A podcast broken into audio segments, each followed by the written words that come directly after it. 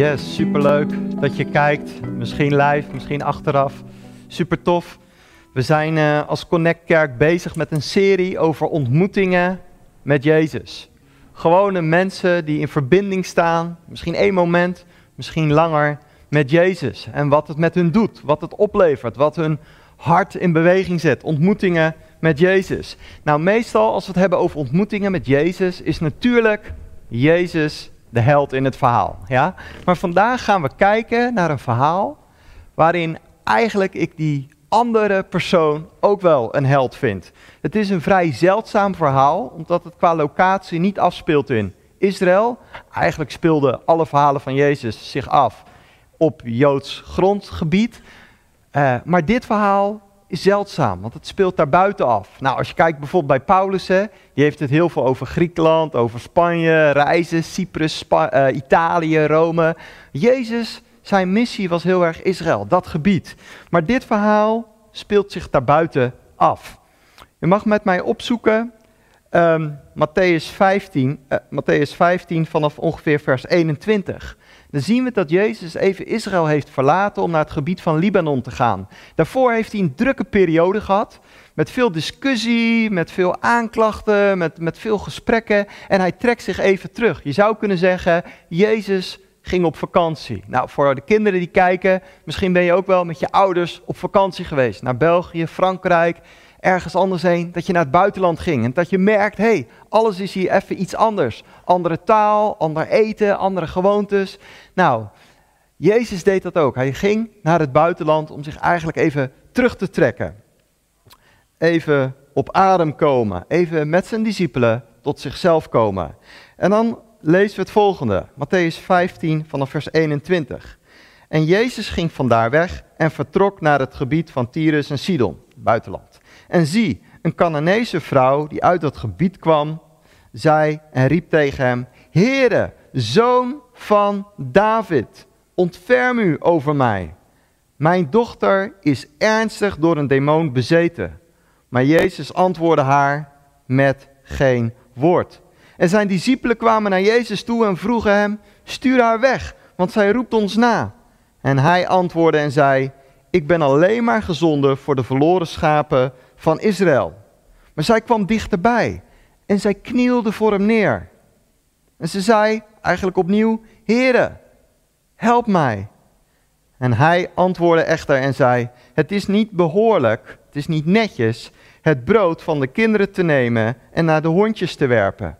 En zij zei: Ja, heren, maar de hondjes eten ook van de kruimels die er vallen van de tafel van hun bezitter.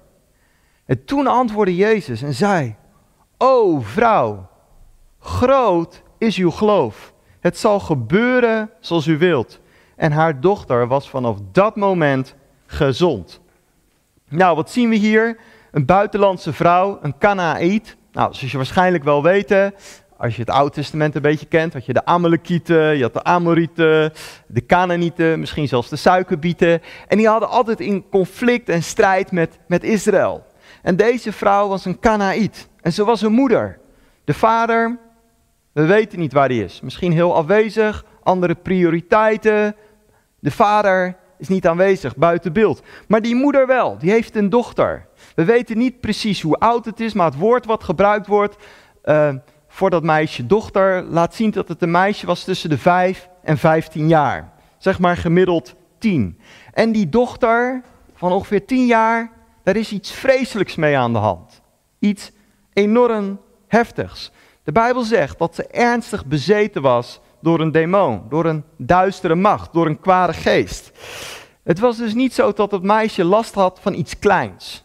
Nee, ze was echt bezeten, gekweld, getreiterd, gepest door een kwade macht. Een serieus probleem. Nou, in dat gebied was er veel afgoderij, bijvoorbeeld de afgod van Astarte.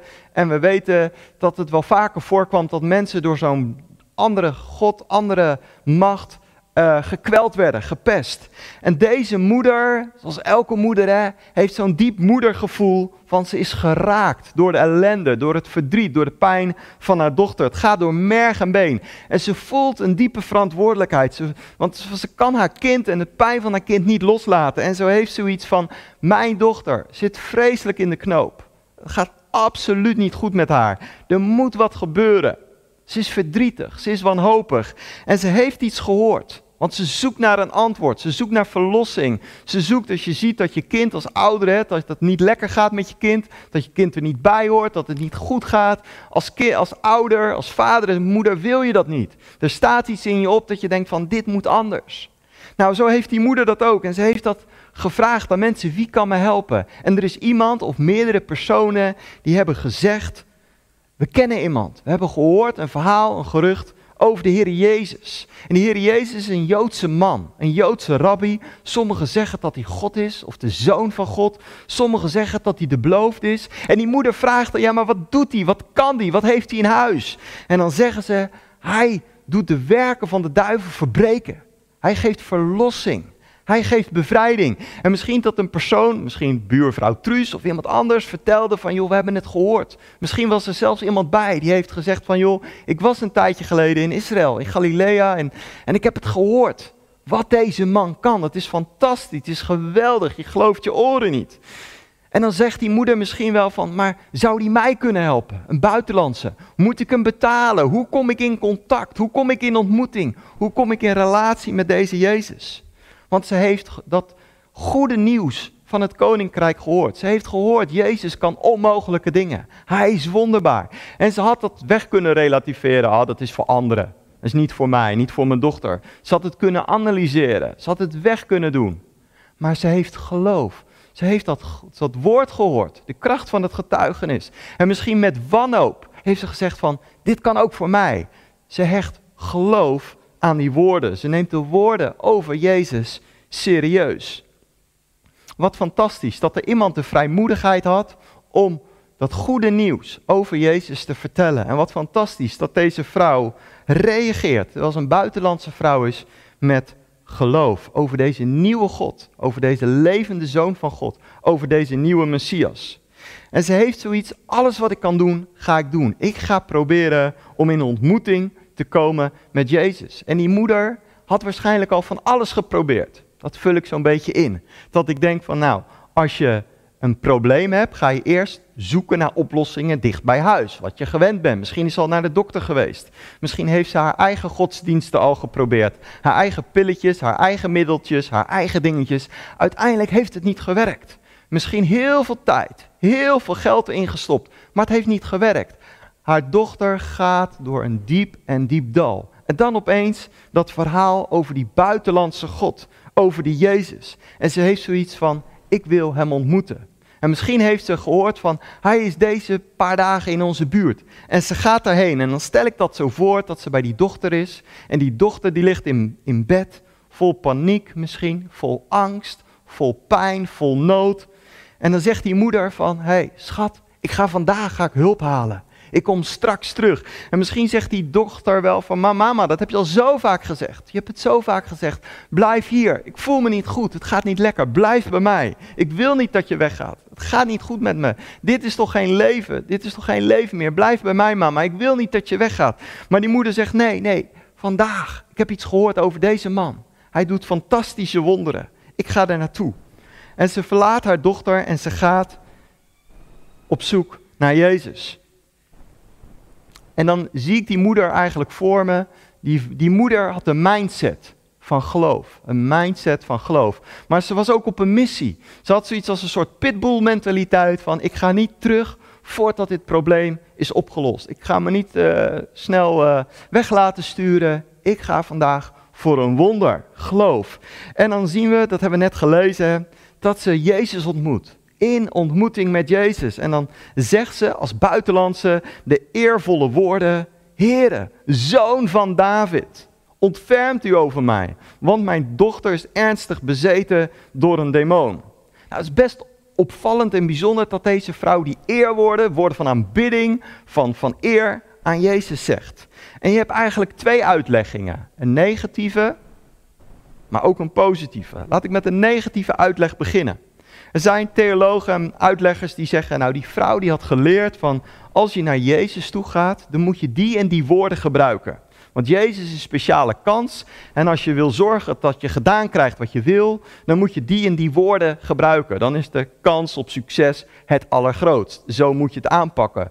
Dus als buitenlander zegt ze wel van joh, Jezus, zo van David, Messias. Maar eigenlijk is het meer sociaal wenselijk. Eigenlijk is het meer taal in plaats van hart. Snap je wat ik bedoel? Dat het meer alsof is, dan dat het echt vanuit binnen uit is van Heer, u bent de beloofde Messias. Dus dat is de negatieve uitleg, dat ze het wel zegt, maar eigenlijk vanuit diep van binnen, vanuit het hart niet meent. Meer sociaal wenselijk gedrag. Positieve uitleg, belangrijk om daar naar te kijken. En dat is dat ze echt geloof heeft van ja, er is in Israël een belofte over een beloofde Messias, over een man die redding, genezing en heling zou brengen. Dat ze geloof heeft. Dat ze geraakt en gepakt is en dat ze werkelijk vanuit haar hart zegt, u bent de beloofde Messias. Hoe dan ook, dan denk je, nou met zo'n beleidenis gaat Jezus naar haar toe, want jij kent Jezus, wij kennen Jezus. Jezus rent naar haar toe en pats, boem, genezing of een woord van wijsheid of hij geeft een moeilijke opdracht, ga je daar en daar wassen. Maar er staat er, je hebt, we hebben het net gelezen, iets heel bizars. Ik vind het bizar. Jezus reageert totaal niet. Die vrouw die geeft haar grote nood en er is geen reactie van Jezus. Als we eerlijk zijn, misschien is dat ook wel herkenbaar voor, voor ons leven. Dat je voor jezelf, voor je kind, voor iemand anders gebeden hebt, hem aangeroepen, je hebt geloof gehad, je bent in ontmoeting, tijd van, van aanbidding, van gebed. En dat Jezus voor jouw gevoel niet lijkt te reageren. Dat je zegt, ik gebruik de juiste woorden, ik doe zoals het hoort. En toch blijft Jezus stil. En er is die stilte.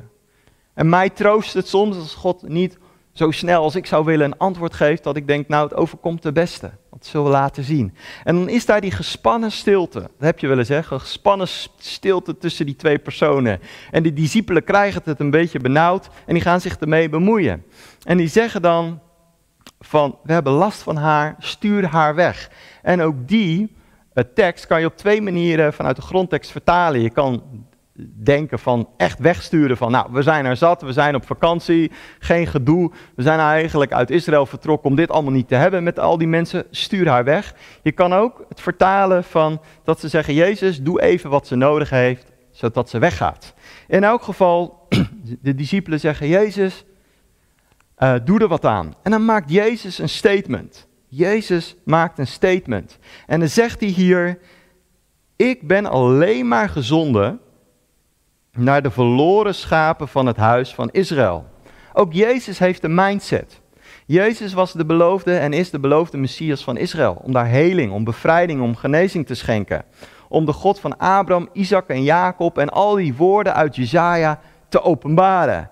En dan zegt Jezus, want hij is op een missie van joh, op dit moment is het nog geen tijd voor de handelingen van de volken. Dit is het moment dat ik mij richt op Israël om al die beloftes, al die woorden vanuit het Oude Testament gestalte te geven. Om het vlees te laten worden, om het zichtbaar te laten worden. En dan zegt hij, ik ben nu in dit tijdsblok gekomen voor Israël. Voor de verloren, verdwaalde schapen die geen herder hebben. En ik ben deze jaren om hun herder te zijn. Om mij zelf te openbaren met woorden, met daden, met liefde als de herder van Israël.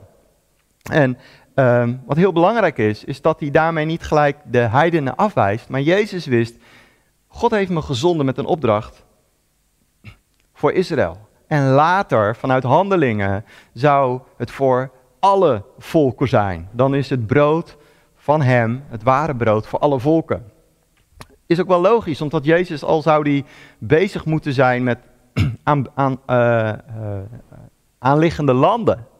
Er zou hij veel te druk zijn. Hij heeft zoiets, ik druk een stempel op een klein gebied, op een kleine groep mensen. Daar druk ik mijn stempel op. En als zij beïnvloed zijn, als zij gediscipeld zijn, als hun hart getransformeerd is, dan zend ik hun uit. Dan komt die grote opdracht van, vertel het goede nieuws in Jeruzalem, in Judea, tot aan het einde van de volken. Tot aan het einde van de landgrenzen. Maar eerst moet die stempel uh, op Israël. Nou, dan zou je kunnen zeggen, die reactie van die vrouw, die heeft het wel gehad, toch? Dat je denkt, ik word genegeerd door die Jezus, waar ik zulke goede verhalen van heb gehoord. Nu zegt hij, ik ben alleen maar voor, uh, voor die schapen. Uh, misschien heeft ze wel zoiets van, joh, uh, wat ben ik slecht geïnformeerd. Die reclame, ik ben er ingeluisterd. Doei, ik ga naar huis. Ik ben, uh, ik ben verhoorlijk uh, boos. Misschien had ze wel zoiets gezegd van, ik ga naar die buurvrouw Truus toe, die gezegd heeft, die Jezus doet wonderen. En ik zeg, joh, jij hebt gezegd, all life matters. Nou, voor deze Jezus, alleen de Joodse le levens zijn belangrijk, voor de rest niet. Nee, dat doet ze niet. Ze doet dat niet. Want ze heeft zoiets, ze komt dichterbij. Ondanks die teleurstelling heeft ze zoiets, ik word niet bitter, maar ik word beter. Ze laat zich niet te neerslaan, maar ze doet er een schepje bovenop. Nou, dat vind ik zo bijzonder. Wat een volhardende geloofsdaad. Teleurgesteld, ze ziet geen reactie, maar ze doet er een schepje bovenop, want ze knielt neer voor Jezus. En ze zegt in aanbidding van Heer, help mij.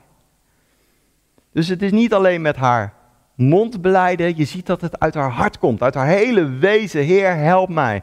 Tot u is mijn redding, van u is mijn uh, verlossing.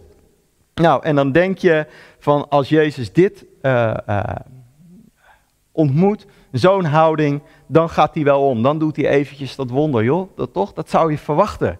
Zo kennen we, zo ken jij Jezus. Maar dan zegt hij het volgende. En Jezus is vrij onvoorspelbaar. Hij doet soms dingen anders dan je denkt.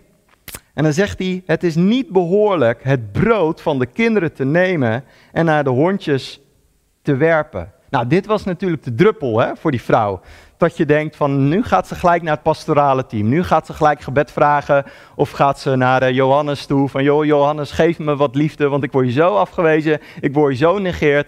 Dat ze helemaal die slachtoffer en die zelf medelijden en die zieligheid komt. Dat zou je verwachten. Ik zou het nog een beetje mijn hulpverlener ook nog wel ergens terecht vinden. Van ja ja, emotioneel best even pittig wat je te maken krijgt. Dat je zo verwacht en het niet uitkomt. Maar dan zegt ze die, die bijzondere tekst die we hebben gelezen. Van, uh, maar ook de honden die genieten, die eten van de kruimels. Nou, twee woorden zijn hier heel belangrijk. Die honden en uh, het brood. Eerst even over dat brood. Je zou kunnen zeggen, het brood, als je een groot wonder nodig hebt, ja, dat is een groot brood. Als je een klein wondertje nodig hebt, gekneusde teen, uh, schaafwonden, ja, dat, dat, dat, dat, zijn de kruimels. Snap je hem even? Ook voor de kinderen. Groot wonder, zoals uh, een ernstige ziekte, ja, dat, dat symboliek. Groot brood, klein wonder, uh, is een klein ehm, brood. En dan zegt Jezus, ik ben gekomen om het brood, de grote wonderen, de openbaringen wie ik ben, het, want hij is zelf het ware brood en hij geeft het ware brood, het ware manna. Ik ben bedoeld om die aan Israël te geven. En dan zegt zij van, uh, maar ook de kruimels. Ja? Dus zelfs um, die, die, die wonderen, waar wij denken dat is groot, zij heeft een geloof dat ze zegt van ja, maar die wonderen, zijn makkelijk voor, voor Jezus. Is niet zo moeilijk. Die, zelfs die fantastische wonderen zijn maar kleine kruimeltjes voor hem, omdat hij zo groot en zo machtig is. Daar kom ik straks nog even op terug. Maar dan dat woord hondjes. Nou, in het Grieks heb je twee woorden voor honden. Je hebt zeg maar een, een term, een definitie. En dat wordt vooral gebruikt voor straathonden, voor zwerfhonden, voor honden waar niemand om geeft. Maar Jezus gebruikt dat woord dus niet. Hij gebruikt een ander woord. Hij gebruikt eigenlijk het woord jonge hond, een puppy, een familiehond. Ja? Nou, eh, toen ik eh, vroeger nog bij mijn ouders woonde, hadden wij ook altijd honden thuis. En als ik niet zoveel zin had om te eten, die hond die voelde dat precies aan. Ik weet niet waarom, maar die ging bij mij zitten onder de tafel en soms at hij meer van mijn bord dan ik, want ik liet dat af en toe zo vallen. Ja? Dus die hond die kon verwend worden van het eten van de tafel. En ze, nou, misschien overkomt dat jou ook wel. Heb je ook een hond en doe je dat ook af en toe stiekem voor de kinderen. Maar je ziet, zo'n hond kan ook genieten van de hoofdmaaltijd. Ja? En dat zegt zij eigenlijk, van joh, ook een hond ook al ben ik een buitenstaander, ook al ben ik een puppy, ook al ben ik klein, ook al hoor ik er maar een klein beetje bij en ben ik een familiehond. Zelfs dan, u bent zo liefdevol, u bent zo genadig, u bent zo barmhartig dat ik geloof dat zelfs die kleine kruimels vanuit uw hand zijn sterk genoeg om een gigantisch wonder te doen wat andere goden en godsdiensten niet kunnen. En we zien dat Jezus totaal perplex is. Wat een geloof, wat een vertrouwen. Niet sociaal wenselijk gedrag en maar doen alsof. Nee, deze vrouw heeft geloof. Ja? En we zien dat vaker in de Bijbel, dat buitenlandse vrouwen zoals Rahab, zoals Rut, geloof hebben in de God van Israël, in de Messias van, van Israël. We zien ook de, de Romeinse hoofdman, van hem wordt gezegd, groot is je geloof, verbazend. En Jezus zegt van, joh, deze vrouw had eigenlijk weinig beloftes, had weinig afspraken die God had toegezegd. Maar die kleine dingetjes die God heeft toegezegd van liefde en genade, die pakt ze met haar hele hart. Een vrouw van geloof. En Jezus, dat zien we niet vaak, is verbaasd, staat versteld, is geraakt door het grote, grote geloof van deze vrouw. En je ziet dat Jezus daarna tien dagen moet bidden en proclameren en moet vasten om dat wonder te doen. Nee, Jezus is zo geraakt door dat geloof dat hij vanuit zijn autoriteit zegt, bam, vanaf dit moment is zij genezen. En ik geloof, Jezus kan soms genezingen en bevrijdingen doen door een proces. Processen zijn heel goed. Leer jezelf kennen, leer je God beter kennen. Is de geloofsvrucht groeit, karakter groeit. Dus soms kiest Jezus ervoor om je in een proces te genezen. Je in een proces tot bevrijding en verlossing te brengen. Ook dat je erachter komt van ik heb andere mensen nodig. Ik heb um, door het proces heen. Maar Jezus is zo machtig, zo glorieus, zo fantastisch dat hij dat niet altijd nodig heeft. Dat hij het in één keer kan doen. En ik zie, en daarmee wil ik afronden, ik zie die moeder helemaal blij naar huis komen. Ik denk dat ze geloof heeft. Ja, het is natuurlijk nog maar afwachten, want misschien heeft Jezus het wel gezegd, maar misschien dat er toch ergens zo'n geloofstwijfeltje is van, heeft hij het echt gedaan? Maar misschien dat ze met geloof naar huis rent, van ik geloof dat ze het gedaan heeft. En die dochter, die dochter die ziek en zwak en gepijnigd en getreiterd in bed lag. Die is uit dat bed gesprongen. Want opeens voelt ze dat dat juk, die depressie, die moeite, die kwelling, die negatieve gedachten en emoties. Opeens is het verdwenen. En die moeder ziet al van een afstand die haar dochter weer rennen weer lachen, weer blij zijn, weer opgelucht zijn. Haar dochter, zoals ze haar vroeger kende, is weer echt levend geworden. En ze ziet, hé, hey, mijn geloof in Jezus heeft gewerkt. Mijn vertrouwen heeft gewerkt. En ik zie in mijn gedachten, zie ik die dochter aankomen rennen en, en, en in de armen vliegen van die moeder van mama, waar ik last van heb. Het is echt weg. Ik kan het niet geloven, ik kan het niet bevatten. Ik ben vrij. Er is verlossing, er is bevrijding. Dat juk, die zware jas, die grote moeite, die pijn in mijn hoofd. Het is weg, mama. Hoe is het gebeurd? Hoe is het gebeurd? En dat zij zegt van het komt omdat ik geloof had. Geloof in Jezus. En uh, wat zo bijzonder is, geloof voor je kinderen. Geloof voor de ander. Die vrouw was niet gericht op eigen geloof. Ze was gericht op, op, op geloof in God voor de ander. En uh, ik wil bidden voor mezelf. Ik wil bidden voor ons allemaal. Dat we, eh, als nu bijna weer de vakantie voorbij is, een nieuw seizoen, dat we geloof zullen hebben. Geloof en vertrouwen in Jezus. Niet alleen voor onszelf, maar juist, uh, juist voor die ander. En als het even tegen zit, als het niet lijkt te werken, als Jezus niet in één keer lijkt te reageren, zoals in dit verhaal, dat we volharden, dat we elkaar helpen, dat we elkaar stimuleren. Als ik kijk naar de geloofsavonturen die ik heb meegemaakt, soms dacht ik van het is zo lastig om te geloven. Maar dat mijn vrouw of een vriend of iemand anders of iemand vanuit, uh, vanuit het gebedsteam je weer helpt om te geloven. Ja? Ik wil uh, bidden. Vader in de hemel, dank u wel voor dit fantastische verhaal. Heer Jezus, wil u danken voor dat u toen wonderen deed, die eigenlijk onverklaarbaar waren, onmogelijk, niet te beredeneren, niet te psychologiseren, dat u wonderen doet. Boven dat wij kunnen bidden of kunnen beseffen. U doet wonderen. Vader, ik bid voor ons dat we een gemeente zullen zijn waar de wonderen zullen zijn. Wonderen vanwege uw goedheid, vanwege uw schoonheid, vanwege uw majesteit. Als getuigenissen dat u de levende bent. Vader, zo bidden we voor vele wonderen in onze levens bij onze kinderen. Ehm, ook als ze straks weer naar school gaan, misschien een nieuwe school, misschien een moeilijke, is het wel moeilijk om weer naar school te gaan en te presteren en aan alle eisen te voldoen. Vader, we, we geloven, weer dat U onze kinderen helpt. En we zegenen vanaf deze plek onze kinderen, we zegenen onze tieners en we bidden dat zij ook wonderen zullen meemaken van, van, van, van U. In Jezus' naam. Amen.